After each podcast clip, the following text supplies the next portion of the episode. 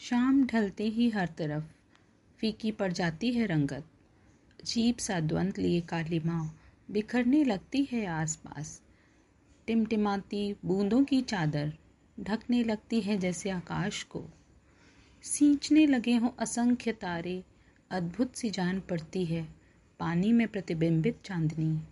चाँद घटते बढ़ते ताकता है कहीं, धुंधली सी रोशनी में डूबा घटाओं बीच निकला हो जैसे उजियारा करने को, हज़ारों विरोधाभासों को जैसे संतुलित करने निकल पड़ा हो। पहल उसकी कि रोशनी रहे जहाँ, अंधेरों के भय से दुबके नहीं कोई यहाँ। ये सोचते सोचते झटने लगा अंधेरा, दबे पाँव सूरज ने किया जब बसेरा। धूमिल होते उस चाँद को टकटकी सी लगाकर मैं शून्य होकर देखती रह गई। रंगों के बिखरते ही आसमां में वो दूधिया रोशनी, न जाने कब आँखों से ओझल हो गई।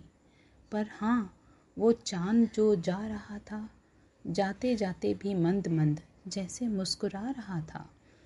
जैसे नींद के आगोश को पाकर वादा मुझसे करने लगा वो, कि अभी जाता हूँ मैं, क्योंकि जब सूरज को चमकना है, मिलता हूँ ढलती शाम होने पर, आखिर अंधेरे में आकर मुझे ही तो फिर दमकना है।